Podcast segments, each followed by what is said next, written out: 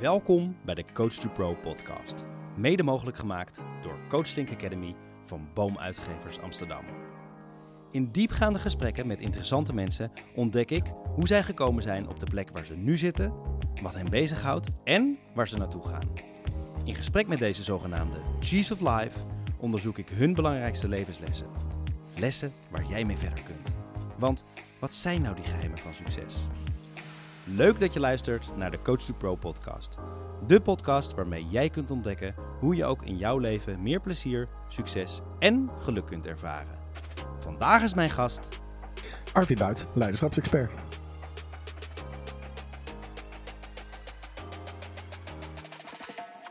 Arvid Buit, leiderschapsexpert. Een eer om jou in de studio te hebben. Dankjewel, superleuk. Eindelijk. Een voorrecht, ja. Uh, leiderschapsexpert, maar ook vooral uh, podcastmaker. Uh, um, een beetje knuppel in het hoedenhok Soms, ja. boekenschrijver. Je doet van alles en nog wat. En daarom ben jij in mijn ogen ook een chief of life. Ik zie je op zakelijk vlak actief met je coaching, boeken schrijven. Ik hoor en zie je in de media. Je bent ook echt actief op, op LinkedIn. Um, en daarnaast, ik ken jou nog niet persoonlijk. Echt, vind ik Gaat Mooi allemaal komen om, om dat vandaag, vandaag hè? inderdaad te gaan doen. maar we hebben wel elkaar een paar keer gesproken. En uh, wat ik zo mooi vind aan jouw persoon is dat je ook echt volgens mij heel erg oprecht bent. Je laat je hart spreken. En dat is af en toe gewoon echt bouten, keiharde opmerkingen naar mensen. En af en toe ook heel erg liefdevol. Dat ik denk, ik ben zo benieuwd wat voor persoon hierachter schuil gaat. Nou, ik hoop dat je erachter komt vandaag. Uh, ik ga mijn best doen. Ik bevredigend antwoord. Ja. Arvid, waar ben je mee bezig vandaag de dag? Wat doe je? Nou, en op dit moment ben ik bezig. Ik heb al 15 jaar een non-profit stichting die zomerkampen voor kinderen organiseert. In de danskamp heet dat. Dus ik ben nu op dit moment bezig om danskamp voor te bereiden. Daar hebben we eigenlijk een situatie gecreëerd waarin mensen met een enorme passie vrijwillig iets moois organiseren voor kinderen. Met, voor het talent van de toekomst. En uh, dus dat is eigenlijk wat ik rond de zomer altijd doe. Voor de rest heb ik twee kleine kinderen van vier en eentje van bijna één. Dus ik ben ook een soort chaos aan het managen. En uh, ja, voor de, ja, de coaching trajecten voor de zomer heb ik een aantal afgerond. En uh, dan gaan de klanten ook op vakantie. Dus die periode is vrij rustig. Lezingen zijn rustig. Dat start al dit najaar weer. Nieuw boek op de plank? Nou, ik twijfel een beetje. Ik, zoals je opmerkte, ik ben, ja, ik ben niet een podcaster, maar ik heb mijn hele leven al een passie voor radio. Ja. En ik heb op een gegeven moment dacht ik, ik ken zoveel bijzondere mensen. Ik heb voorheen in de entertainmentwereld gewerkt, nu in die uh, zakenwereld. En uh, ik vind mensen interessant, dus ik ga ze gewoon interviewen. Dus ik heb een uh, studio gebouwd thuis. En ik heb er nu 23 klaar. Dus dat ging vrij snel in uh, twee, uh, maand. Ja, dat heb je heel snel gedaan, ja. ja. Want ja. ik dacht, hé, hey, oh, dat doe je ook. En uh, binnen no time zag ik een hele rit staan met allemaal hele mooie mensen. Omdat ik het heel erg leuk vind dus. Dat, dan, dan helpt dat heel erg. Ja, maar je hebt dus ook een mooi netwerk van mensen. Ja. Ja, ja, bijzondere mensen, gekke mensen, daar heb ik een voorliefde voor. Ik werk natuurlijk uh, primair met succesvolle mensen en ik heb dat vroeger gedaan met mensen in de entertainmentindustrie. Ja, want heb je, je hebt iets met licht gedaan, hè? Ja, ik ben helemaal ooit begonnen als lichtontwerper. Ja? Lichttechnicus natuurlijk gewoon, sleepkever heet dat dan in het uh, jargon. Dus dan begin je met, uh, op je veertiende met flightcases slepen. Voor? voor PA-bedrijfjes, voor kleine beentjes, dat soort zaken. En op een gegeven moment werd ik lichtman, toen werd ik lichtontwerper, toen werd ik producent, artiestenmanager. Dus ik heb heel veel met artiesten te maken gehad. Mensen die dus succesvol zijn, um, maar vaak ongelukkig, viel mij op. Ja. en, en, ook vaak een groot verschil tussen stage presence en backstage daarvoor aan de kook moeten. Dus stel je voor dat jij een liedje schrijft over je oma die is overleden. Heel emotioneel op je studentenkamer in het balkon met een gitaartje. En in één keer sta je diezelfde boodschap te brengen voor 80.000 mensen. Dan is de vraag, dient de kwetsbaarheid je nog? Antwoord erop is nee, dat kan niet. Dan zal je dat niet kunnen. Nee. Uh, maar je hebt daar wel behoefte aan als mens. En omdat je je niet kwetsbaar opstelt, denken mensen op dat podium met jou te kunnen interacteren op een manier die bij jou niet, niet fijn voelt. Ah, is dat het? Want, want ja. het gebeurt natuurlijk bij heel veel mensen eigenlijk op het podium. Hè? Of het nou uh, sprekers zijn, of uh, muzikanten, of, of uh, presentatoren. Ja. Het zijn, je ziet toch wel vaak een andere persoon dan de persoon... Ja, en dat is vaak zelfbescherming. Zelf. Dus het dient een bepaald doel. De vraag is, hoe ga je ermee om? En, Ja. als, je, als je daar dus niet... Maar dat geldt, ik, ik kwam ook... ik was scheidsrechter bij de KNVB ook, als voetbalscheidsrechter. En toen ging ik ook veel scheidsrechters begeleiden. En die hebben... Hè, je moet je voorstellen, in de entertainmentwereld heb je nul macht als artiest. Maar je hebt heel veel invloed. Maar een scheidsrechter heeft precies het tegenovergestelde. Die heeft nul invloed en die heeft alleen maar macht bij de gratie van tijdgebrek. En toen later werd ik eens benaderd door mensen in het zakenleven om met ze te gaan praten. En dan zie je dat daar ineens een soort verantwoordelijkheid bij komt voor andere mensen. Ja. En dat spel boeit me. Succesvolle mensen, eh, de erkenning die ze zoeken, het geluk dat ze hebben, maar ook het, eh, het goede werk dat ze doen. Het zijn vaak hele leuke, talentvolle, bijzondere mensen. ja, je bent altijd met andere mensen bezig. Hè? Ja. Ehm, en hoe gaat het met jou? Met mij gaat het inmiddels heel goed. Het is ook een hele tijd niet goed gegaan, waardoor ik eh, mede mijn vakgebied dat ik nu heb eh, eh, ontdekt, zeg maar. Ja? ja, hoe is dat gekomen? Want je was dus licht, of producent eigenlijk, hè? producer van Ja. andere Ja, artiesten. toer- je moet je voorstellen, ik toerde met grote voorstellingen over de wereld. En dat was een, dus een heel intensief leven. En ehm, om het te linken aan wat ik nu doe, mensen die moeite hebben met onvoorwaardelijke erkenning, accepteren en voelen, die sublimeren dat met voorwaardelijke erkenning. Alles Ja. wat gekoppeld is, geld, status, seks, macht, wat je maar kunt krijgen. En eh, ik deed dat ook. Ik, eh, het was oneindig. Dus op een gegeven moment werkte Jij ik ging met dingen hele doen om die erkenning te krijgen. ja, nou, ik, ik genoot heel erg van mijn werk. In Ja. het theater voor, vooral. En op een gegeven moment wil je dan meer. En dan, dan bevond ik mijzelf in het gezelschap van eh, Holiday on Ice of The Black Eyed Peas of met Hans Klok getoerd. Van allerlei grote producties. En ik werd daar niet gelukkiger van. Hoe kwam dat? Sterker nog, omdat, omdat dat meer helemaal niet was wat ik leuk vond. Ik heb ook met Treble getoerd en met Omnia en met eh, Henk Westbroek. En dat was veel kleinschaliger. En dat vond ik leuk. En op een gegeven moment ging ik grotere dingen doen waar ik niet gelukkig van werd. Toen dacht ik, ik moet hier uit. Maar je zei, je wilde meer. Dus dan kan ik me voorstellen dat het heel logisch is om dan meer groter, grootser te gaan. En dat werkte dus ook heel kort. Want die voorwaardelijke kenning is heel kort. Ja. Net als dat je een nieuwe auto koopt. Dat is een week leuk. En daarna denk je, ja, pff, deze wordt ook gewoon smerig. Ja. Dus Ja, en dan wil je weer een grotere. exact. Die ook weer Ja, dus als je, als je voorwaardelijke erkenning zoekt, is het nooit genoeg. Het is als een waterput die je wil eh, vullen met lucht. Ja. Die gaat niet vol raken. En eh, dat proces had ik toen helemaal niet bewust door. Het is nu leuk eh, wijs lullen, maar dat kon ik toen helemaal natuurlijk niet. Dus ik dacht alleen maar, ik ben ongelukkig. Ik raakte uitgeputter. Ik rookte twee pakken sigaretten op een dag, dronk 20 blikken Red Bull en 10 koppen koffie. Eh, dat is ook niet heel goed voor je trouwens. Nee. En op een gegeven moment... Dat doet die vertegenwoordig ook, maar Ja, ja. En, ja precies. Maar ik niet, eh, dat blijft niet goed. echt niet heel wijs. Nee. Eh, het voelt wel heel wijs op dat moment. Het voelt ook heel stoer. Ja, want, zeker wat, wat bracht het je dan? Ja, maar, maar ik ben onoverwinnelijk.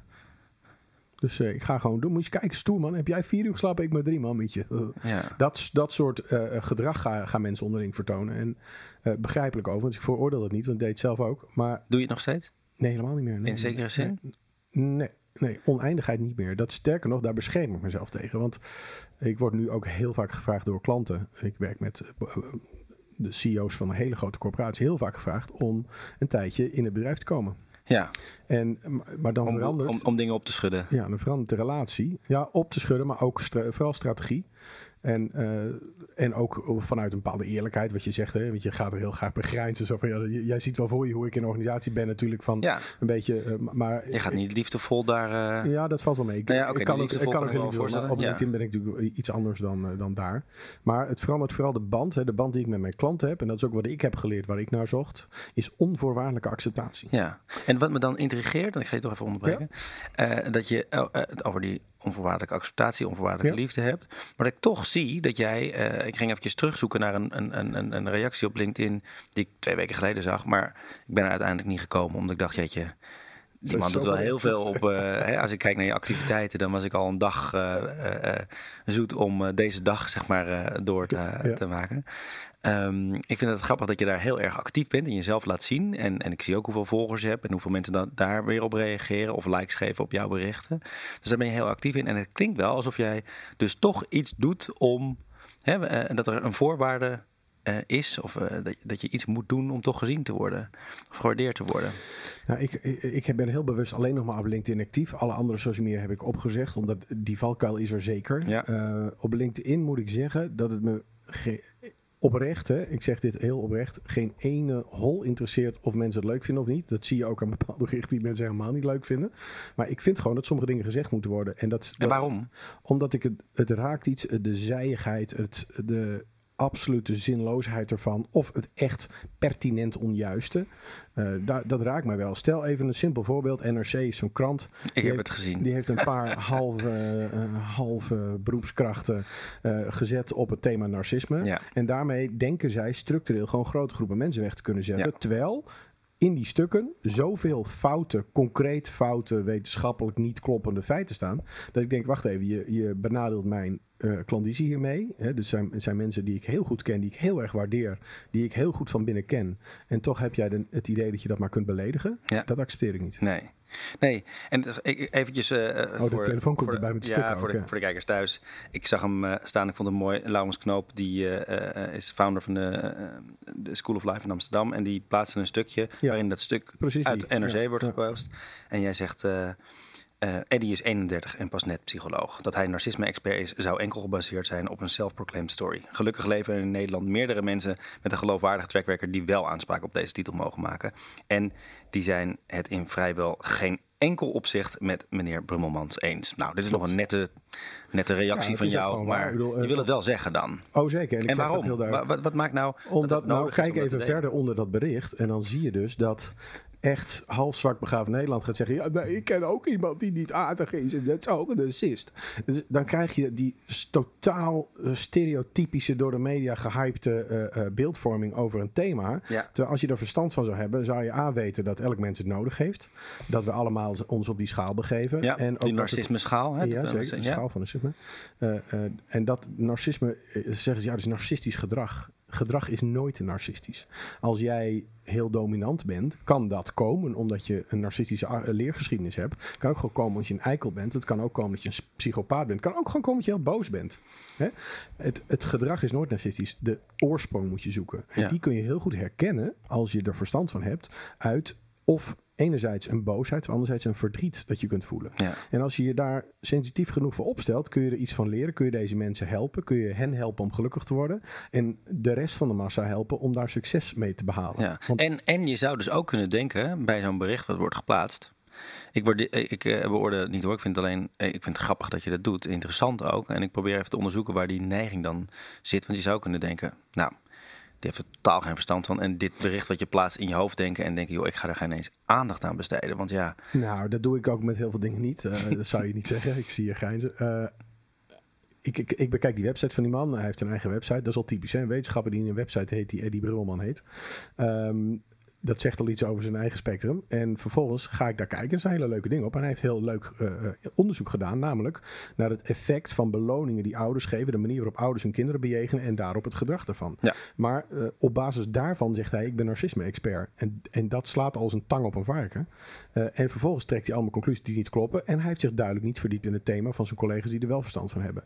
Dus dat betekent dat hij eigenlijk toont: ik koppel mij ik ben niet wederkerig met de rest van de wereld. Wat een typisch narcistisch spectrum eigenschap is. hm? En vervolgens claim ik iets op basis van een hartstikke leuk onderzoek dat totaal irrelevant is. Of in elk geval zich slechts zijdelings hiermee bemoeit. En dan gaat hij dit claimen. En Ja. dan zegt hij zulke domme dingen waar ook nog de hal, die halfbegaafde wereld dan weer op gaat reageren. Ja, ik trek dat heel slecht. Ja, en, en ik hoor dus behoorlijk wat oordelen. Hè? Maar er zouden natuurlijk mensen kunnen zijn, die ken ik ook. Die zijn eh, er, ja. Die, die, ja, die zien jouw post en denken, wat een horik is dit, wat een eikel. Waarom moet hij nou zo nodig? Hier, als er één nergens eh, een narcist is, dan is het dit wel. Zegt, die moet eventjes, zijn waar, werkelijkheid is de werkelijkheid. En dat is goed. Weet Ja. je, dat, dat is ja, ik kan me voorstellen dat jij dat oké vond, omdat je daar ook die discussie dan graag over aangaat Nee, natuurlijk. maar ik heb ook geen moeite met mensen die mij niet aardig vinden. Nee. Dat mag zelfs, heel graag. En ga vooral in discussie en probeer ik het ook uit te leggen. En mensen zeggen vaak, ja, als ik je er in een gesprek over heb, dan is het veel genuanceerder. Ja, ja. Natuurlijk, dan heb ik een uur de tijd. Maar ik wil daar wel even een statement maken. dat ik Precies, het je wil de boel even op scherp zetten. eh, Ja, maar ik vind die man ook gewoon heel vervelend. En dan denk ik, wacht eens even. Eh, eh, hij krijgt daar van 50 mensen applaus. Eh dan moet iets eh, van een tegengeluid. Misschien is het een soort, eh, ja, dat klinkt heel zijig, maar het herstellen van de balans in het universum. Maar we gaan er wel even tegen gas op geven. Merk, merk je dat dat gebeurt dan door jouw interventies? Eh, soms, er komen heel veel dingen uit voort, gek genoeg. Allereerst moet je je voorstellen dat ik heb een netwerk van ongeveer 3.500 mensen, waar, waar ongeveer 2000 topbestuurders tussen zitten. Dus ik geef lezingen op een grote CEO-dag ergens in de Brasgaat. Dan kom ik daar en dan komen al die gasten één voor één bij de koffie naar me toe. Ja, leuk hè, hey, allee, ik volg je op eh, LinkedIn. Ja, ik kan daar niet op reageren, hè, want alleen met die Margot, maar blijf dat doen hè. Dus die vinden dat enig, die vinden dat hartstikke Ja, leuk. ja. Alleen ze gaan er niet op reageren. Dus ergens moet het gezegd worden. Die mensen voelen zich dan ook even van: oh ja, ik ben gezien en er is iemand die het voor mij opneemt, als het ware. Eh, dat is helemaal niet waarom ik het doe, maar dat is wel, dat, die kant is er ook, alleen die reageert niet. Dus wie gaan er reageren? Ja, weet ik veel. Een van de- het aller, oh ja, het allerergste zijn de Chimene Oosterhouts van deze wereld. Kijk, narcisten, nou los, extreem, narcisten, extreem narcisten trekken het type vrouwen aan. Uh, Martin Appelo heeft daar heel uitgebreid onderzoek naar gedaan.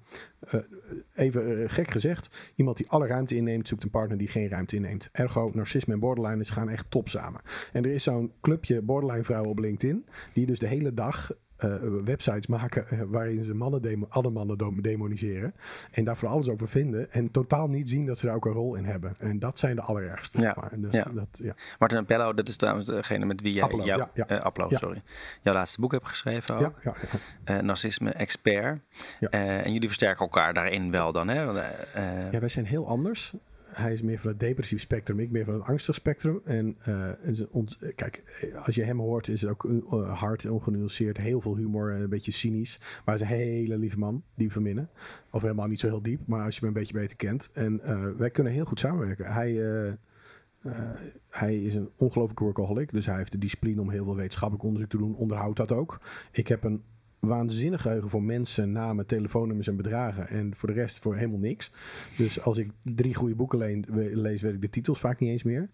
En hij onthoudt het allemaal. Dus die samenwerking in het schrijven was ook heel leuk. Hij kon dat heel mooi. Uh, maar, jij, maar, maar, jij komt dus vanuit het angstspectrum, zeg je. Ja. Wat heb je daarmee?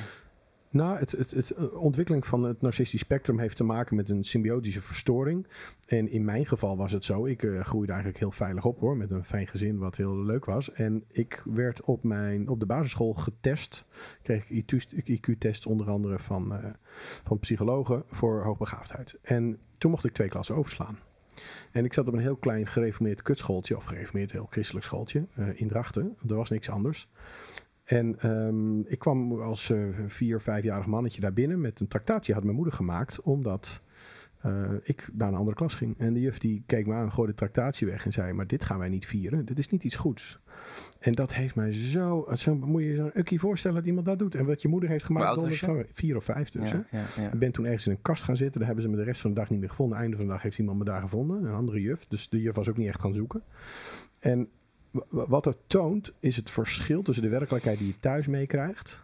En de werkelijkheid buiten. Oh, dat het gewoon goed was. Of ja. dat het fijn is om, om misschien makkelijk te kunnen leren. Uh, wat ik achteraf helemaal niet kon, makkelijk leren. Want ik, ik, ik, kan wel heel snel dingen begrijpen. Maar leren moet je ook leren. Dat heb Mhm. ik nooit geleerd. Maar het feit dat de, wereld, de buitenwereld zo anders reageert. Je kunt dit ook hebben als mensen je heel erg verwennen. Dat was in mijn geval niet zo. Ja, ik was heel goed, uh, goed opgevoed, maar niet overdreven verwend. Maar een Pim Nee. Fortuyn. Hè, heb je een relatie van, eh, tussen ouders die slecht is. Vader altijd weg. Moeder maakt haar project. Een prinsje van, de, van het jongetje. Gaat in pak naar school op zijn tiende. En dan krijg je dus dat je het gevoel hebt. Uh, mensen moeten mij dienen. Maar dan kom je in de boze buitenwereld. En die vindt dat natuurlijk helemaal niet. Ja. En die sla je gewoon in elkaar op het schoolplein. En dat is waar dat, die angst vandaan komt. Dus de ene kant denk je, maar ik doe het toch allemaal goed. Ik bedoel het goed. En tegelijkertijd is er die kant die zegt, ja, maar wij waarderen dat niet. En daar ontstaat angst uit. En je hebt ook mensen die zijn heel erg verwaarloosd. En die krijgen het gevoel, ik moet het in het leven allemaal alleen doen. En dat is het depressief spectrum. En Ja. daar zit Martin meer op. Ja. En dat werkt heel goed samen ook blijkt. Ja. een mooi live Ja, experiment. want, ja en, en, en een mooi boek eruit uh, Dankjewel, voortgevloeid. dankjewel. Ja. Um, ik zie, als ik jou ook hoor praten en ook, ook de manier waarop jij um, uh, jezelf uit, denk ik ook, dit, dit zou ook een fantastische cabaretier kunnen zijn. Met alle respect, en zo bedoel ik het niet, maar ik ga toch eventjes zeggen, een beetje Ja. Joep van Hek ook. Je kan er lekker tegen dingen aanschoppen Ja. en het ook op een ongenuanceerde manier zeggen. Uh, mensen voelen zich dan ook echt eventjes te kakken gezet of tegen het zere been geschopt. En jij lijkt daar ook zichtbaar een beetje van te genieten, terwijl je ondertussen ook weer, nee, maar het is wel nodig, uitstraalt. Eh, heb, je, heb je dit wel eens overwogen? Ik nou, ga het podium op, ik ga mensen de, de entertainen. 500ste die het zegt. Dus in die zin eh, zal het me niet helemaal Zou, zou voorkomen. het zo een Eh, signaal kunnen zijn misschien? Nou, Nou, als de 500ste keer moet ik er toch misschien wel met, wat mee Maarten bij deze, ik ga het onderzoeken. ja, ik vind dat lastig, omdat ik heel lang niet op een. Ik heb vroeger ook klassiek piano gestudeerd en ik wilde nooit op een podium. Dus ik heb altijd backstage gewerkt, totdat ik in 2015 Waalberg schreef. En toen belde Albert Almers mij, een man van Fine Effect, die zei: Op de CFO Day wil ik jou laten spreken. Moet je je voorstellen dat tussen de entertainmentwereld en wat ik nu doe, zat anderhalf, twee jaar van volledig somber thuis met paniekaanvallen tot in het meest gekke met derealisatie waarbij ik mezelf dus ik was heel onzeker in één keer want dat was ik nooit geweest Hoe was dat zo In- gekomen? nou ik was gewoon op een gegeven moment ik, ik, ik, ik dacht dat ik maar eens moest stoppen met de entertainmentwereld want dat was uitputtend dat had ik wel door Ja. en toen ging ik toen werd ik gevraagd voor een baan in Utrecht en ik ik kan niet in loondienst. Dat moet je helemaal niet willen met mij. Maar goed, ik denk dat moet ik doen. Dus ik moest elke ochtend heel vroeg om negen uur op een kantoor in Utrecht zitten. Komende vanuit Friesland. Ja, ja. Ja. Dus twee uur, twee uur terug. Ik rookte nog, wij dronken daar hele zware espresso's. En op een gegeven moment, smiddags ging ik... Ik was daar diep ongelukkig. Ik, ik ging naar de supermarkt om boodschappen te doen. Want daar deden we voor lunch, om en om deden we de boodschappen. En ik pak een pakje salami uit in zo'n vriesvak. In één keer sta ik woep, 3,5 meter verderop. Zie ik mezelf dat doen. Dat is fucking scary. En ik dacht maar één ding, ik moet nu die winkel uit. Nou, en hoe werkt dat met angstaanvallen? Je gaat jezelf beschermen. Dus als jij denkt, wacht even, zo voelde ik mij in die supermarkt. Dan wil je die supermarkt niet meer in. Nee. Volgens in de bioscoop. En dan wil je de bioscoop. Nou, het wereldje wordt heel klein. En, en ik ben vrij hardnekkig naar het leers. Dus ik heb dat ook gewoon. Ik heb daar echt twee jaar over gedaan om hier middels allerlei uh, luistercd's tot therapieën tot whatever achter te komen. Wat is dit nou bij mij? Ja. En dat is heel goed geweest. Maar als je vervolgens gevraagd wordt om op een podium te gaan staan vertellen, dan twijfel ik heel erg, omdat ik het fantastisch vind als ik op dat podium sta. Voelt echt als natural eh, habitat. En daarvoor wil ik liever dood. Dus dat, dat extreme. Op weg naar Ja, eh, jouw Ja, inmiddels niet meer trouwens, want ik doe het nu zoveel. eh, dat ik het weer ontzettend ben gaan waarderen. Maar die eerste keer, hou, ik ben echt een week ziek geweest. Echt ziek, niet kunnen slapen. eh, buikgriep ervan krijgen. En dan liep ik met mijn banaantje eten. Ik moet dit doen. En het leuke was, ik En wat, maakt nou dat je dan toch daar... Want je zou kunnen zeggen, dit voelt dus zo duidelijk als niet Arvid Buit. Laat ik het gewoon niet doen. Ik heb heel bewust een test gedaan. Want ik dacht, ja, ik kan daar een mooi verhaal gaan houden over Waalberg. Maar wat wil ik nou? Wat claim ik in het boek? Dat het gaat over je kunnen openstellen, een kwetsbaarheid kunnen doen. Dat is waar. Ik ga mijn verhaal vertellen. Hm. Dus ik begon met, ik was een heel klein jongetje. En dat verhaal heb ik verteld. En dat, die zaal was afgeladen, echt letterlijk tot aan de wanden stonden ze. En het was zo'n magisch moment Wat maakt het magisch? dat het helemaal werkte, dat mensen het hele, zich ook openstelden. Daarna was de Q&A. En, en het, dit was, ik wist gewoon, dit moet ik gaan doen. Ja. Dit is blijkbaar wat ik moet. Ik moet het over leiderschap en de leiderschapspersoonlijkheden hebben. Ik snap waarom deze mensen dit willen doen. En wat hen bindt en wat hen vaak ongelukkig maakt. Want dat maakte mij ook ongelukkig. ja. En de, eh, het jezelf openstellen, jezelf kwetsbaar durven opstellen, maakte Ja. dat jij nog meer effect bereikte dan eh, het keihard vertellen of het Ik denk zelfs dat ik dat niet had gedaan, was het, had het niet, was niet geland. Het heeft te maken met wederkerigheid. Het proces leer je niet goed. En als je dat wel weer leert, wederkerig zijn, dan kun je weer kwetsbaarder zijn. En kun je dus ook onvoorwaardelijke acceptatie gaan voelen Ja. en geven. En zou je dat dan ook kunnen geven aan mensen die in jouw woorden debiel zijn of belachelijk of eh, die geen Ja, realiteit ik zeg niet dat die mensen debiel zijn. Hè? Ik zeg Nee, dat- nee, ik hoor je wel eens zeggen, nou, dat zijn een stelletje debielen. Ja, natuurlijk, de halfbegaafde noem ik Ja, dat dan. Ja, ik, precies. Ik, ik chargeer graag in mijn eh, taal. Maar zou je die dan ook niet onvoorwaardelijk kunnen liefhebben? En dat je zegt tegen die mensen van je, of dat je denkt in je hoofd, ja, die hebben gewoon echt waanbeelden, houden die erop na. Maar weet je wat, ik laat die mensen in hun waan. Nou ja, dat zou ik wel willen kunnen. Maar eerlijk, eerlijkheid gebiedt mij om te zeggen dat ik heel veel moeite... Kijk, ik hou heel erg van bijzondere mensen. Dat zie je in mijn podcastserie ook. Dat hoeven niet allemaal hele uber-intelligente, hele rijke, hele bekende mensen te zijn. Helemaal niet zelfs. Maar ik hou van authentieke mensen, echte mensen. En, en er is een hele grote groep die er niet is. Ik zou het zelf schatten op 90%. En daar heb ik ook niet de behoefte om daarmee te gaan linken. En ook niet de behoefte om ze onvoorwaardelijk te accepteren. Het gekke is, als ik ze één keer ken, persoonlijk, is het vaak wel het geval. Want Ja. dan kan ik, ik... Ik geloof in ieder geval met mijn klanten en de mensen die ik ken... alle mensen die ik goed ken, vind ik mooie mensen. Ja. Uh, maar ik vind het ook wat zijig om te gaan, uh, gaan doen alsof ik dat met iedereen wil. En die behoefte heb ik ook niet. En ik vind sommige mensen ook gewoon heel vervelend. En, net, net, als dat ik dat nodig heb af en toe van andere mensen... hebben zij ook even een signaal nodig dat ze misschien even moeten bijsturen. En het signaal en breng jij ik dan graag. graag. dat signaal. ja, nee, ja, prima. Ja. Wat ik uh, vooral ook interessant vind eh, van jou Arvid... is dat je die ene kant dus hebt. Die horkerige eh, keiharde recht voor zijn raap. eh, laat ik maar extra vloekwoorden er nog even tussen gebruiken... om het echt nog eventjes nou, een beetje te chargeren, scherp aan te zetten. En aan de andere kant ook, denk ik af en toe wel eens... Ik, ik, ik, het lijkt wel bijna alsof ik een traag, traantje wegpink als ik dan zo'n reactie lees. Kim Koppers bijvoorbeeld, die dagvoorzitter is, die plaatste... Ik ben trots dat ik deze NRC live serie mag gaan doen als moderator. En jij reageert daarop. Ze hadden geen betere kunnen kiezen. Veel succes. Ja. Waarvan ik dan weer denk, wat is het eigenlijk toch? Het, ja, aan de ene kant een harde hork, en aan de andere kant... Ik, ik ben niet hard heel... om het hard zijn. Hè. Ik ben hard omdat ik het daar dan niet mee eens ben. Ik vind Kim Koppers echt een fantastisch mens. En een waanzinnige dagvoorzitter. En als ik dat vind, dan zeg ik het ook. Ik zeg het allemaal direct. Ik zeg niet Ja. alleen nare dingen, omdat ik naar wil zijn. Ik zeg alles wat ik denk of voel. Zo eerlijk mogelijk. Daarbij gebruik ik heel bewust af en toe krachttaal, omdat doe ik ook in mijn lezingen. Uh, ik begin vaak mijn vakgebied begeeft zich op het grensvlak tussen topleiders en teringleiders. En wat doet dat woord met mensen? Als je zegt teringleiders, dan schrikken ze van hun telefoon op en dan zijn ze erbij. Ja. Hè, dat zijn hele uh, bewuste manieren om mensen er weer bij te krijgen. En wat brengt het jou door dat te doen? Door net eventjes wat scherper dingen aan te zetten of, of dingen te zeggen ja, die je echt vindt? Ik zeg het niet scherper. Ik ben echt, zo kijk ik echt naar het leven. Ja. Zo praat, als je met mij nu lult, dan praat, praat ik met precies dezelfde woorden. Ja. Dus ik heb geleerd, ik houd bij mezelf, dit is wie ik ben. Ik gebruik graag af en toe woorden die ik, als ik, ik had vroeger wel eens met een jurist, moest ik iets opstellen. Die had Arvid Hanna al die bijvoeglijke naamwoorden eruit gast. Dat, dat werkt helemaal niet. Nee, nee, in juridische taal niet, maar in mijn taal wel. En omdat je er een bepaald gevoel en emotie bij zegt. En mijn klanten kunnen het ook hebben. Maar denk je niet dat je af en toe effectiever kan zijn door het meer respectvoller te brengen? Want ik, ik las laatst een reactie, dat is degene waar ik naar op zoek was. Ik zeg anderhalve week, twee weken geleden. Waarop jij een, een, een, een harde, nou ja, enigszins schoftigere opmerking plaatst er iemand waarvan ik denk, volgens mij ken je die niet, maar je zet hem wel meteen neer. En er komt een reactie op en dat vond ik fantastisch van een oud collega van jou.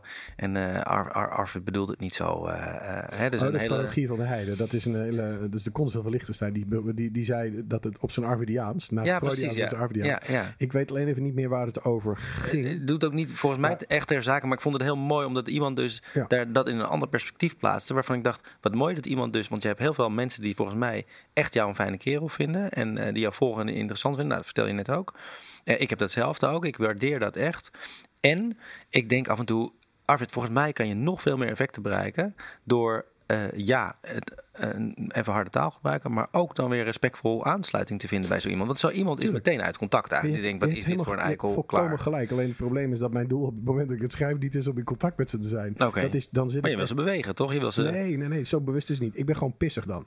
Dus het is maar net wanneer... Kijk, daarom heb ik LinkedIn van mijn telefoon gehaald. Want toen was het nog veel erger. Dus ik doe dat alleen maar op mijn laptopje thuis. In Als je er rustig over na hebt gedacht, ja, maar, maar, ook dan kan er toevallig net iets vers voorbij komen. Nee, is echt hoor. Ik moet me daar zelf heel erg in tegenhouden. Uh, want ik heb, maar ik heb ook een aantal dingen waar ik bewust van vind. Als het gaat over religie en onderwijs bijvoorbeeld. Daar vind ik niet meer dat het respect verdient. Dus dan ben ik nog veel harder. Want dat, is een dat dan zet ik het bewust in. Uh, bij, in alle andere gevallen zo'n beetje uh, is het niet bewust. Dan is, dat, dan is het mijn emotie. En als ze daarna zeggen, goh, heftig, leg eens uit. Dan wil ik het ook met liefde uitleggen. Ja. Ik heb en dan valt het allemaal wel mee. Ik heb zelfs mensen gehad die belden mij. Die zeiden, joh, ik ken jou niet, maar je hebt zo gereageerd. En dan nodig ze bij mij thuis uit. Want dat vind ik dan ook prettig. Net als bij mijn klanten. Vroeger had ik dan een kantoor. En nu zeg ik, kom lekker bij mij zitten. Dit is wie ik ben. Je bent welkom. En dan vind ik het ook heerlijk om ze een wijntje te schenken en het over te hebben. Ja. Um, dus dan wel weer die verbinding die je zoekt. Nee, maar als zij op dat moment zeggen, ja kut, misschien had ik dit niet moeten doen. En ik ben wel nieuwsgierig.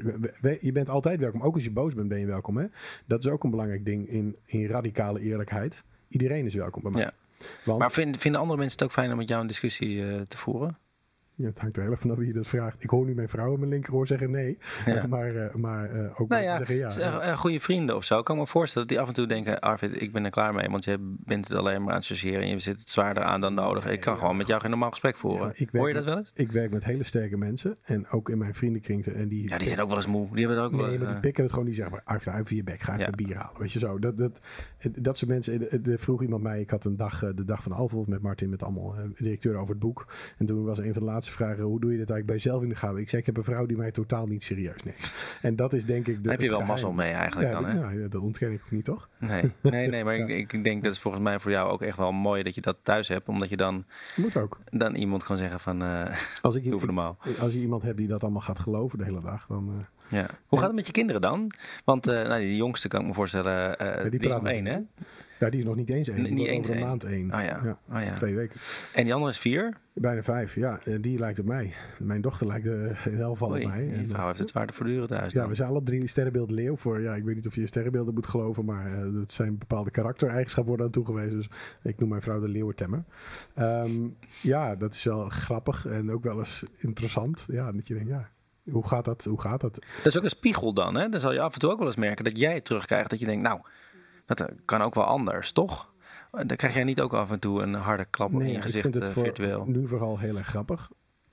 Uh, ja, wat ik, gebeurt er? Noem eens een voorbeeld. Ik ben er wel trots op dat ze gewoon uh, dingen niet accepteren. Ze is heel goed met volwassenen. Nu al. Dus ze is niet onder de indruk. Ze zijn, uh, als ze tijdelijk een andere juf is, zijn er kindjes die huilend gaan. die willen niet meer de, de, klas in. En zij is gewoon geïnteresseerd, gaat even praten. Ze, ze is niet onder de indruk van macht. Eh, dat, wat ik heel prettig vind, want ik denk dat het een goede eigenschap is. Tegelijkertijd hoop ik haar wel de wederkerigheid heel erg aan te leren. Dus dat als je aardig bent voor mij, ben ik aardig voor jou. Zo, dat doe ik ook heel bewust, dat zeg ik ook. Ehm, en ook onvoorwaardelijkheid. Ik bedoel, ik vind je ook lief als je iets, iets slechts doet, maar ik vind het gedrag niet leuk. En dat onderscheid maken, eh, ja, meer kan ik niet doen. Ik bedoel, Nee. Opvoeden is ook mijn liefdevol verwaarlozen. Ik doe mijn best. Het zal vast een zootje worden. En de GGZ doet de rest, toch? Ja, ik bedoel, eh, ja. Hey, vier, vier jaar, bijna vijf. Ehm, ehm, eh, ik eh, kan goed met volwassenen, zeg je. Hè? Dus Ja. meteen eigenlijk wijs kind.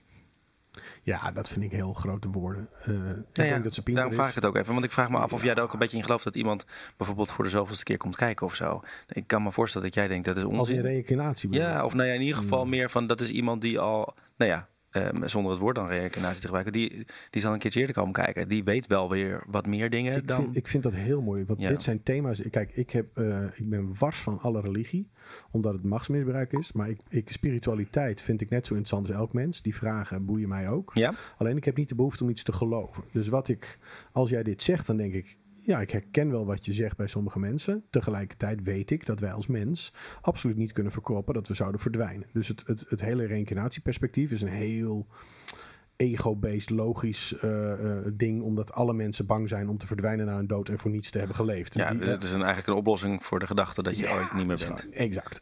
Eh, tegelijkertijd er zijn er ook heel veel dingen die ik onverklaarbaar vind. En Noem eens iets. Ik, beste, mijn vader is eh, dokter. En die is heel erg van het spirituele. En die, die, die verdiept zich er enorm in. Altijd al. Naast zijn medicijn heeft hij het altijd willen onderzoeken.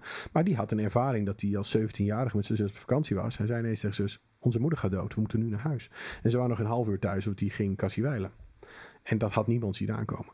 Dus dat soort verhalen, ja, als ik dat zelf meemaak, vind ik dat makkelijker. En dat heb ik dan niet zo heel concreet. Maar ik hoor dit wel vaker. En ik heb wel eens dingen dat ik denk, wacht eens even, ik wist dat dit zo ging aflopen. Maar dat, is, dat hoeft niet een spirituele wereld te betekenen. Dat is geen argument om dat te omarmen. Wat het wel kan zijn, is dat er bepaalde... eh, eh, kijk, tijd, zoals Einstein het zei, bestaat is een construct van de mensheid, zodat niet alles tegelijk gebeurt. Maar dat is natuurlijk een interessante eh, lijn van wat is tijd? Gebeuren dingen tegelijk? Zijn er eh, dingen met elkaar in verbinding? We weten al dat energiebanen of dat energie invloed kan uitoefenen. Hoe weten we niet? We kunnen dat moeilijk meten, maar als er 500 mensen iets gaan denken of iets gaan eh, ambiëren, dan is de kans wel groot dat er iets in beweging komt. Ja. Hoe dat werkt, I don't know. En ik heb daar dus nogmaals geen spirituele uitleg voor, maar ik weet wel dat, dat, dat er bepaalde invloeden zijn en dat boeit me wel heel erg.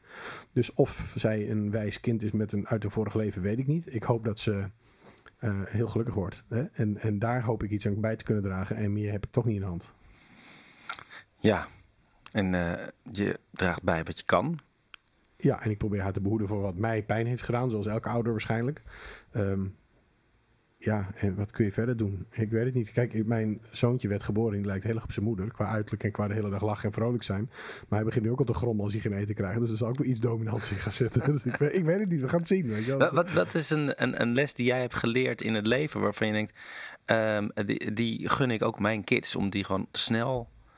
Je noemde net al even iets wat dingen, eh, jouw, jouw waarheden, van ik geloof niet in, in, in, in Nou, macht of ik geloof niet in. Dat, dat, dat heeft alles te maken met alles heeft een prijs. En eh, dat impliceert ook direct dat je als je iets gaat verwijten, moet je het. Als je iemand iets verwijt, moet je hem ook voor het goede verwijten. Ik eh, verweet mijn juffrouw op de basisschool dat het een eh vuil achterbakse christelijke teef was die mij had gekrenkt. Eh, en dankjewel. Want daarom ben ik heel hard gaan bewijzen dat jij ongelijk had. En heb ik daar mijn brood mee kunnen verdienen. Dus als je rust wil in je lijf en je bent boos op mensen, verwijt ze dan ook het goede dat eruit voortgekomen Ja. is. En dat Maar kan er ook iets goeds achter zitten, überhaupt achter het gedrag? Hè? Want die had natuurlijk. gedrag niet waarschijnlijk- maar nee. Nou ja, nou even serieus, nee. want het zal natuurlijk wel een positieve intentie hebben achter gezeten. Nee, dat denk ik ook niet. Nee, Nee? Dat is het, precies het gekke. Ik denk helemaal niet dat ze goede intenties... En niet alle mensen hebben goede intenties. Dat eh, zeker niet.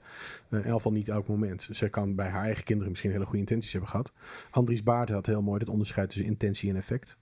En uh, zij had een uh, naar effect, maar ook een slechte intentie. En ja, maar ze heeft wel een keuze gemaakt, hè, bewust. Dus voor haar was het een keuze ja, op dat sorry, moment. Omdat maar dat iemand die pedagogisch onderlegt, uh, althans dat geacht wordt dat te zijn, die tegen een kind zegt: Ik gooi je tractatie weg en dit hoor jij niet te vieren. Dat slaat gewoon als een, nou ja, niet eens van een tang op vark, slaat van kut op Dirk. Dat Ja. gaat gewoon helemaal nergens over. Maar goed, even, even, even eh, projectie ook voor jezelf. Eh, dit kan jij natuurlijk ook wel eens hebben, want je bent een, een, goed Nee, nee, opgeleide. Ja, nee, maar mijn Ja, intenties zijn een goed, goed opgeleide, eh, gesprekspartner.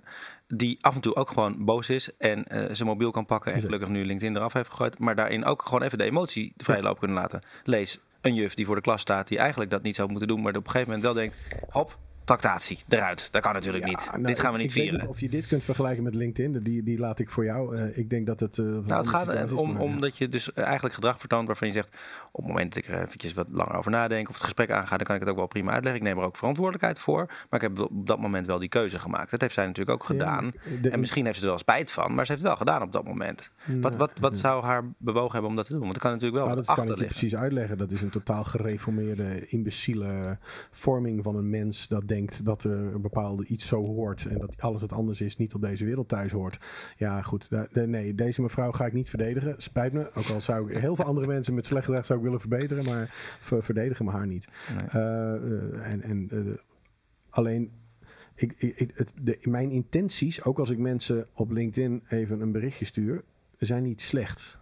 Oh nee, maar dat hoor je mij ook absoluut nee, niet maar zeggen. dat onderscheid, dus, dus de, het effect is wel eens slecht. Dat ben ik wel met je eens. En dan zijn er mensen die daarop reageren of die boos worden. En dat mag ook. Hè. Ik, wil, ik accepteer ook dat ze mij een eikel vinden. Dat is goed. Alleen de intentie van mij is zuiver. De intentie is om iets recht te zetten. Of om even. Het is niet zo van. eh, als iemand een foto plaatst. Ik zeg. Oh, wat zie jij er stom uit. Dus echt absoluut zou ik dat nooit. Ik heb nooit de bedoeling om mensen te kwetsen.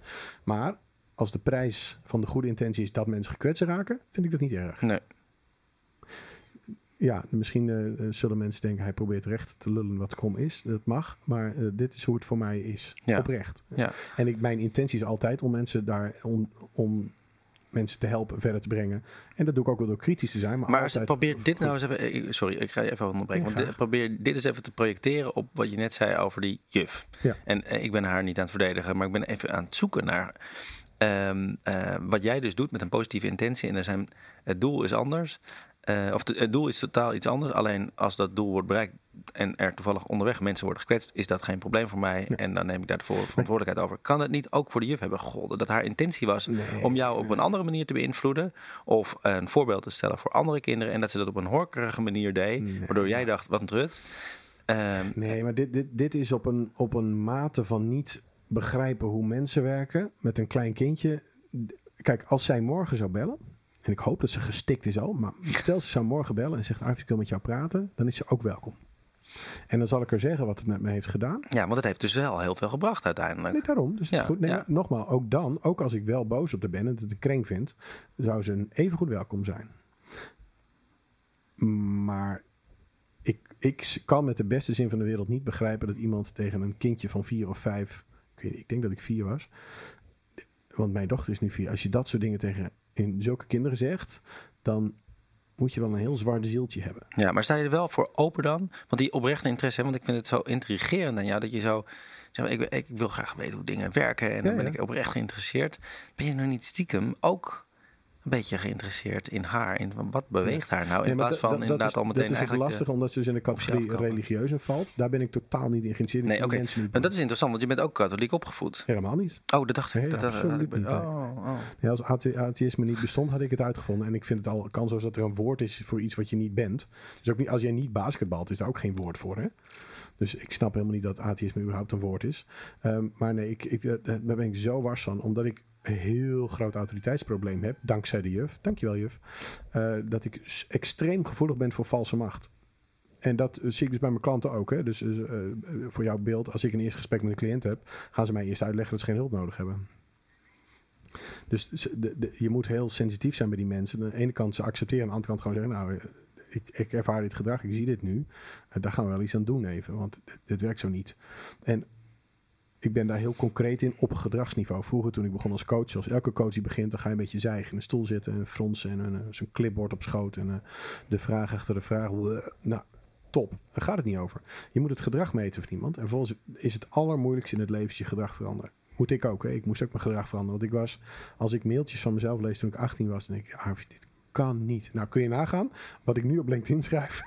Hoe je daar straks over denk ik, kan ik wel. Ja, Of je- of je dochter gaat daar wat van vinden straks. Ja, nee, ook goed. Ja, nee, dat mag. Dat, de- iedereen mag. Jij mag er ook iets van vinden. Ik heb daar nul moeite mee. Als jij zegt, Arvid, dit kan niet. Dat moet je niet. niet Oh, dat hoor je mij ook niet zeggen. Nee, maar ook als je het wel zegt, mag het wel. Weet je, dat is dus ook oké. Ja. Alleen, eh, ja, ik heb, ik heb mijn gedrag ook moeten leren veranderen. En ik Wat moet je nu leren? Och, zoveel. Eh, Wat zijn dingen waar je nu mee bezig bent? Ja, in je persoonlijke ontwikkeling. Waarvan zeg je van, joh, dat is, dat is nu voor mij een Nou, opgave. Het gekke is dat ik sinds hele lange tijd nu, wat, eh, twee jaar geleden werd mijn moeder ineens ziek, was 59, is na zes weken ineens overleden. Toen hebben wij het, eh, het huis van mijn ouders gekocht. Hebben we een huis aangebouwd voor mijn vader. Dus dat is een hele roerige periode geweest. Sinds een half jaar zo denk ik, wauw, ik ben eigenlijk wel tevreden. Ik woon op de plek waar ik wil zitten. Ik doe wat ik wil doen. Dus dat is eigenlijk een nieuw gevoel. Ik had je een jaar geleden zo'n lijst van tien dingen kunnen geven. Eh, Die nog oh, moesten gebeuren? Nee, die ik, die ik weer anders wilde of meer Ja, wilde. ja. Eh, tegelijkertijd ben ik nog steeds een oppervlakkige lul af en toe die gewoon spullen. Ik ben een gadgetfreak. eh het is nooit genoeg, zou mijn vrouw zeker zeggen. Dan heb ik een mooi huis en denk ik, ja, we moeten er ook maar zonnepanelen op en airco's erin. En ik, ik ben in die zin oneindig. Ja. Maat- mateloos. Ik, eh, wat, wat ik persoonlijk, ik ben een Bourgondier, maar daar ga je ook een keer dood aan als je dat niet in combinatie met sport in balans houdt.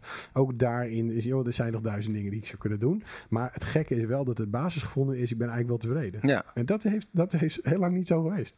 Nou, wat heerlijk dat je Ja, dat hebt Dat dan. vind ik zelf eigenlijk ook. Ja, ja. en wat, wat brengt dat jou in, in jouw professie? Waar, waar, ehm, wat voor extra waarde heb je daardoor gekregen? Door die rust in jezelf te vinden en te denken: het is eigenlijk wel goed zo. Ik heb het wel lekker voor elkaar. dat ik veel oprechter en zuiverder nog weer andere mensen kan helpen. Want eh, het gevaar in coaching, als je jezelf niet goed begrijpt, is dat je altijd bezig bent met je eigen probleem in relatie tot de ander. Ja. En dat is niet meer. Dat, dat is heel zuiver geworden en heel rustig. Daarom vind ik die podcastserie zo leuk. Ik bereid dat niet voor. Ik nodig mensen uit. We gaan lekker een uur praten en ik zet het online. Dit zit is heel clean. En dat voelt zo fijn, omdat het heel ontspannen is. Want ik, ik heb het niet voorbereid, die klanten niet. Ze komen, we eten een stroopwafel, drinken koffie of thee. En als het mensen van ver zijn, dan kook ik voor ze. That's it. is Oh oké. ja, ja. Ja, dat is gewoon... Dat, eh, dat authenticiteit, heb ik mijn definitie gemaakt, is weten waar je staat en daar niet meer weg hoeven. Niet willen, maar hoeven. En dat gevoel heb ik, ja, ik denk dat sinds een half jaar, een jaar heb ik dat zelf heel, heel sterk. Ik hoef niet meer weg. Het is oké. Wat heerlijk. Ja, vind ik ook wel, ja. Ja, Kan ik je ja, aanraden, wat ja. fijn. Ja, Ja, je kijkt er ook heel komt- content bij als je dat zo zegt. Voelt ook wel echt zo, ja. En, en, en, en toch ben je ook wel iemand die eh, natuurlijk constant vooruit kijkt. Eh, eh, ik denk dat je ook wel een beetje visionair bent. Je ziet ook dingen die er, er nog niet zijn. Dit zou kunnen. Ja. Heb ik dat goed? Ja. Ehm, wat zie jij nu voor je? Voor de Arvid buiten over, nou, laten we zeggen drie, vier, vijf jaar. Wat, wat is je next step? Nou, aan de ene kant denk ik, ik, zou meer invloed willen uitoefenen op bepaalde strategische problemen in de, in de wereld en de maatschappij. Eh, Ik eh, ageer ook nog wel eens tegen de mensen die met een elektrische auto denken de wereld te helpen. Dat, Ja. is, dat is niet ons probleem. Het probleem is dat wij als mens de grootste smerige vervuiler op aarde zijn. Een woekerende plant die zichzelf uit het ecosysteem heeft getrokken en eh, zich eindeloos voortplant tot we er met z'n allen ellendig van worden. Ja, is dat erg? Eh, nou weet ik dat voor de aarde niet, want wij gaan allemaal dood. Dus Ja. de aarde gaat floreren wel als nooit tevoren. Dus daar ben ik niet zo bang voor. Maar wat me intrigeert is dat het gebrek aan strategie. Dus dat de mensen aan de top eh, zo uit eigen belang hun kleine doeletjes kunnen doen om een egootje te redden. Terwijl de oplossing helemaal niet heel complex is. En dat boeit me. Aan de ene kant denk ik, moet ik de politiek in, waarop iedereen in mijn omgeving zou zeggen, doe dat nou niet, want je wordt knettergek. Ehm ik ben ook niet zo van de democratie, meer van de sympathieke dictatuur.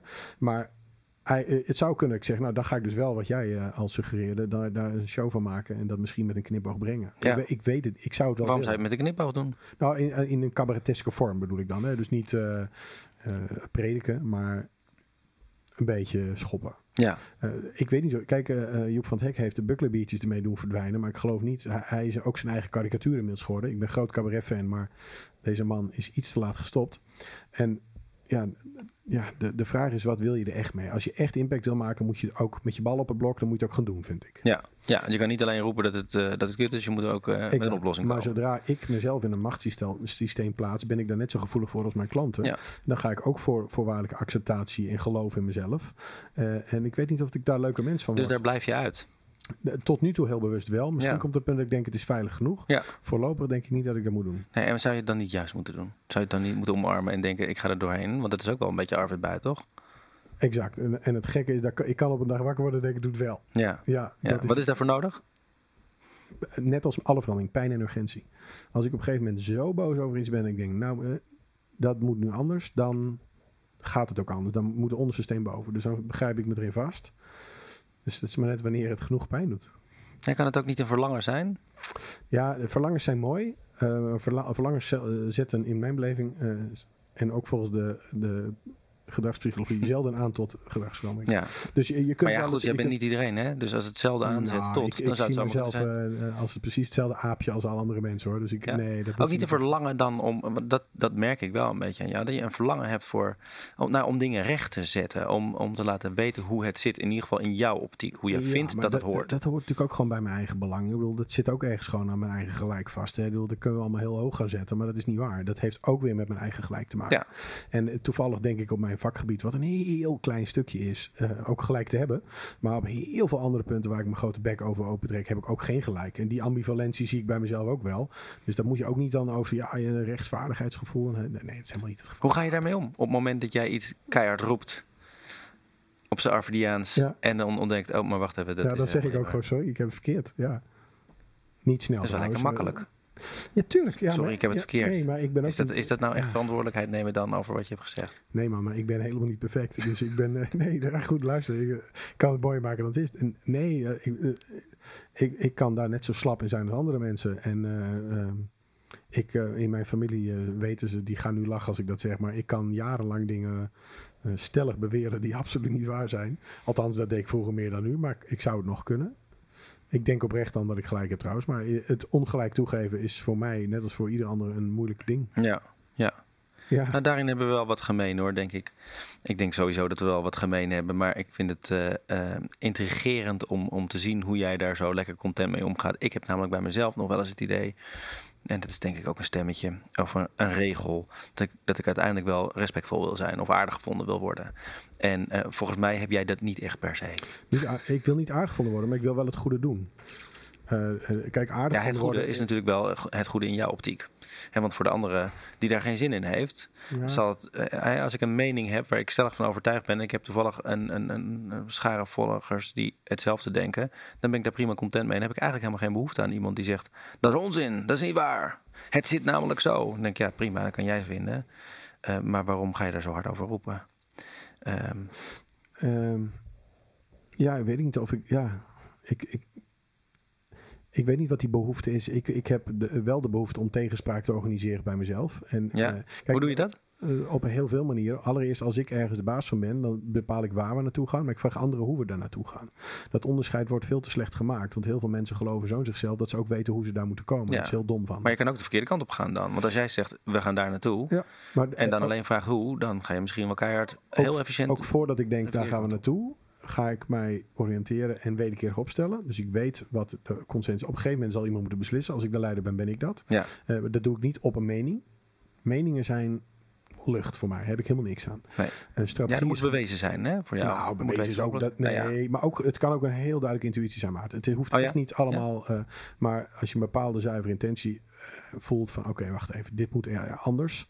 Net als met danskamp, ik bedoel, dat is helemaal geen wetenschap, maar ik voel dat er een plek moet zijn waar, geen, waar kinderen niet beoordeeld worden, maar kunnen genieten en geïnspireerd raken van mensen die ergens heel goed in zijn. Ja. Die plek wilde creëren, misschien primair wel voor mezelf. Ik ben op mijn 19 daarmee begonnen. Toen was ik hier niet zo bewust mee bezig. Ben je een danser? Kijk eens even goed. Nee, nee, nee. Als ik ga dansen, dan hoeven de kinderen geen avondeten meer. Dus dat doe ik ze allemaal niet aan. Maar ehm, nee, nee, nee, nee. Maar ik ben wel een, een creatieveling en ik weet dat mensen heel van genieten. En dat het ongelooflijk mooi kan zijn. Dus, eh, maar het gaat meer om dat de, het gevoel kan maken dat je zegt, ik wil dit gaan maken. Dat hoeft echt niet wetenschap te zijn. Maar daarna moet je wel gaan afstemmen op de mensen die daar naartoe moeten komen. Van, zijn, vinden ze dat ook? En hoe zou je het mooi kunnen maken? Hmm. Ik heb dat met mijn vrouw heel lang gedaan, nog steeds. En we gaan nu voor het laatst. eh, altijd weer kijken, wat kunnen we verbeteren? Hoe kunnen we het mooier maken? Hoe kunnen we het beter aanschaffen? Hoe kunnen we het vernieuwen? En ik denk dat dat belangrijk Die intentie moet zuiver zijn. Ja, ja. Toch wel een beetje een streven ook naar een, eh, een ideale wereld of een ideale situatie. Hè? Dat merk ik bij je. In elk geval ideale interactie voor wat ik doe. En of ik de wereld daarmee help. Ja, ik, ik heb niet de illusie dat ik de wereld ga redden. Nee, maar je hebt wel de behoefte om... om Iets van impact te maken. Ja. Ja. Maar niet uit een hele linkse hoek, helemaal niet. zowel niet heel rechts als heel links, maar wel gewoon uit een. eh, ik zou het fijn vinden als wat ik heb meegemaakt. Ja, nou, luister, de, de vraag is hoe kijk je naar het leven, hoe sta je erin? Als je er nou eens vanuit gaat dat wat ik moet leren, dat ik dat oplos, zodat mijn kinderen dat niet hoeven oplossen en ik daar andere mensen ook nog een beetje kan helpen, dan heb ik toch best mooi gedaan. Ik denk het ook. En als je dan af en toe een wijntje kunt drinken. En, en naar het prachtige Haarlem kunt rijden. Boterkoek kunt eten en een leuk gesprek. Ja, nee, maar dat is toch, wij hebben toch ongelooflijk goed. En dat besef ik me wel steeds vaak. Ik denk, Ja, Ja. ik heb gewoon fucking mazzel. Ja. Mooi. Maar goed, dat heb je ook afgedwongen op een of andere Nee, manier. natuurlijk niet. Ik ben ook gewoon in Nederland geboren. Ja, dat is zeker zo. Maar ja, ja, nee, ja, als je dat- dan heel spiritueel gaat kijken, dan heb je het ook niet voor niks uitgezocht, zou je dan kunnen zeggen. Maar dan wordt Nee, het zo dat vind ik een interessante gedachte. Mijn vader stelt dat altijd. Je kiest je ouders uit. Ja, En, en ik vind die, eh, nogmaals, ik sta er niet negatief tegenover. Ik weet niet of het waar is. Nee, Dus omarm ik het niet als mijn geloof. Maar ik vind het een hele interessante gedachte. Om de, net als dat ik het, de uitspraak... je krijgt nooit meer op je bordje dan je aankunt... vind ik een heel mooi idee. Maar ik heb fucking makkelijk lullen. Want ik zie ook mensen die 30 zijn en doodgaan... en kleine kindjes hebben. ja. Ja, jongen, dan kom je aan met je wijsheid. Succes ermee. Dan, kan ik, dan zou ik je wurgen, als je dat tegen me zei. Ja. Dus weet je, ik vind veel spiritualiteit, ook bij de gratie van een goed leven hebben, is heel makkelijk. Maar kun je het nog beleiden als je het heel zwaar hebt? Ja, dat wil ik heel zien doen. ja. Dat, de, dus, dus Maar je bent ook wel iemand die kijkt naar vanuit positiviteit, toch? Jij ziet, als, als ik je dit zo hoor zeggen, dan denk ik dat klinkt wel een beetje zwaarmoedig. Aan de andere kant zie ik je ook wel, nee, Nee, ik juist kijk positieve blij naar, maar ik wil, het, ik, ik relativeer mezelf dat het vaak heel makkelijk lullen is. Dat zeg ik er maar bij. Ja, ja. Want ik vind dat we heel makkelijk dingen. eh, eh, ach, we moeten mensen in onze kracht zetten. Eh, hou op, je hebt gewoon te veel tijd en te veel geld. Je stelt je aan. Je hebt niet een kracht, je bent competent of niet. Doe er wat mee, doe er niet wat mee. stel je niet zo aan. Da daar heb ik zeker in mijn vak, de, de coaching, wat natuurlijk het meest verkrachte werkwoord van Nederland is, heb ik daar heel veel moeite mee. Want dat, daar word ik helemaal gek van. Dat, dat geneuzel. Ja, ik weet precies hoe het is in de wereld. Nee, weet je helemaal niet. Je hebt gewoon een probleem en los het op of huil erover, maar doe niet zo moeilijk, weet je. Dat, ja. en ik, ik denk dat, eh, eh, ja, Martin Applo zegt dan, mensen moeten leren lijden. Ik, dat denk ik ook wel eens. Mensen moeten wat minder slapen hoeren, wat meer leren lijden. ja. Wat zou jij nog moeten leren leiden? Ehm, dat, eh, net als bij mijn klanten, dat eindeloze groei niet bestaat. Dus dat ik, ik ben iemand die elk proces, elk mens, elk gedrag, maar ook mijn huis, ook mijn gadgets, alles altijd wil verbeteren. En eh, om er maar toch een bijbels dingetje op dag 7, hij zag dat het goed was, bij te pakken. eh, dat gevoel heb ik niet zo snel. Nee, nee. Of heel En dat kort. zou je willen ontwikkelen, of in ieder geval dat zou je nog Nou, willen ontdekken. dat het dat eigenlijk al wel goed is zoals het is. Men denkt dat als ik ouder word, dat het vanzelf goed komt. Ik, Ja. ben pas, ik moet nog 35 worden. Heb jij die hoop ook nog? ja, ja, ja, als ik het echt heel graag wilde, had ik het zelf gedaan. Dus nee. Maar eh, ja, ik zeg maar ja. Eh, nee, dat, dat, eh, ik denk dat het wel komt. Op wat ik wel merk als je kinderen hebt, is dat het allemaal heel erg relativeert. Dus het kan best zijn als die over 20 jaar lekker studeren. Dat ik denk, ja, wat zal ik me nog druk maken? Precies. Dat hoop ik dan maar. Je moet je sowieso niet te druk maken. Nee, Dat ja, dat kan ik niet zo goed, Maarten. Dus, als, eh, ja, ja. Arvid, eh, uit Friesland gekomen naar Haarlem. Ik vond het een genot om met je te praten. Als je het hebt over eh, eh, eh, makkelijk lullen, dan beaam ik dat. Dat kan jij. Je kan makkelijk lullen. Dankjewel. En er komt ook nog wel wat zinnigs uit af en toe. En ik vind het mooi dat je ook heel reflectief bent naar je eigen gedrag. Ehm, eh, het blijft mij intrigeren, omdat ik je heel veel dingen hoor zeggen waarvan ik denk: hé, hey, dat zou je, als er een andere Arvid buiten zou zijn, ik weet niet of die er zijn, maar die net zoals jij zijn, dan zou die er ook wel wat van vinden en dat ook aan jou eh, voorhouden. Dus ik gun je ook van harte ehm, ehm, dat jouw vrouw dat enigszins kan brengen, eh, die jou niet serieus ja. neemt, maar ook dat er andere mensen zijn die af en toe scherp kunnen houden. En volgens mij zijn die er voldoende, want eh, ik zie jou scherp zijn en blijven en ik zie ook heel erg lekker content zitten. Ehm ehm eh, Bomenuitgevers, Ja. sponsor deze podcast. En bij hun heb ik in de boekenkast gekeken en heb Dit, gekeken. dit is trouwens niet een. Mijn uitgeverij is ook boom. Dus Ja, ja, niet nee. een vooropgezet commercieel plan. Nee, nee, nee, helemaal niet. Nee. Nee. Sterker nog, ik ontdekte dat later pas. Ik dacht, oh, kijk eens, jij komt ook uit die stal. Ehm, de onvolkomenheid van de mens en het streven naar perfectie. Dat is een boek waarvan ik Nou, dat is dacht, spot on. hey, volgens mij is dat er eentje die wel jou- bij jou past. En we zijn, ja, ik geloof dan niet in toevalligheden, ook in dit gesprek daar wel een beetje opgekomen op dat stukje perfectie. Ja. Ehm, eh, op de achterzijde staat, mogen mensen ervan uitgaan dat zij op eigen kracht het goede kunnen doen, rechtvaardig kunnen zijn en anderen het beste gunnen? Of moeten ze zich juist bewust zijn van hun eigen onvolmaaktheid en slechtheid om op een goede manier met anderen om te gaan? Het heeft mijn nieuwsgierigheid alvast gewekt. Ja, Ja, ik denk, eh, ga je nog op vakantie? Ik ga danskamp doen over twee weken. En misschien in het najaar. dat is jouw vakantie? In de zomer wel altijd, want mijn vrouw heeft gewoon werk. Echt werk voor grote mensen. Dus die, die kan niet altijd vrij nemen. Die werkt gewoon in loondienst. Die werkt in loondienst. Echt, echt mensen. Ja, Mooi. ja, ja, dat kan ik allemaal niet. Ik wens leuk, jou dankjewel. tijdens het danskamp dan de, de Superleuk. mogelijkheid om eh, s s'avonds misschien nog eventjes te bladeren in dit boek. En anders in het najaar zeg je, ga je nog op vakantie. Het was een eer om jou te hebben. Ik heb genoten van, jou, van dit gesprek. En ik wens jou een hele fijne reis. Dankjewel man, voor de uitnodiging en de mooie podcast. Is er nog één afsluiter waarvan je zegt, dit heb ik nu niet gezegd. Dit wil ik nog delen. Of dit had ik eh, mezelf nog eh, willen horen zeggen. Maar dat heb ik toch niet gedaan. Nee, ik vond het heel erg leuk. En ik denk dat er heel veel aan bod is gekomen. En dat als we het nog een keer zouden doen, dat het een heel ander gesprek werd. Zeker. En dat is precies waarom het helemaal goed is. Mooi. Dankjewel. Dank jou. Dat was een energiek gesprek met Arvid Buit. Hij is leiderschapsexpert en heeft het hart op de tong. Een goud eerlijke en vriendelijke kerel die af en toe snoeihard uit de hoek kan komen. Hij heeft zijn eigen carrière vormgegeven, vaart zijn eigen koers en is een heerlijke en eerlijke gesprekspartner. Zijn levenslessen op een rij.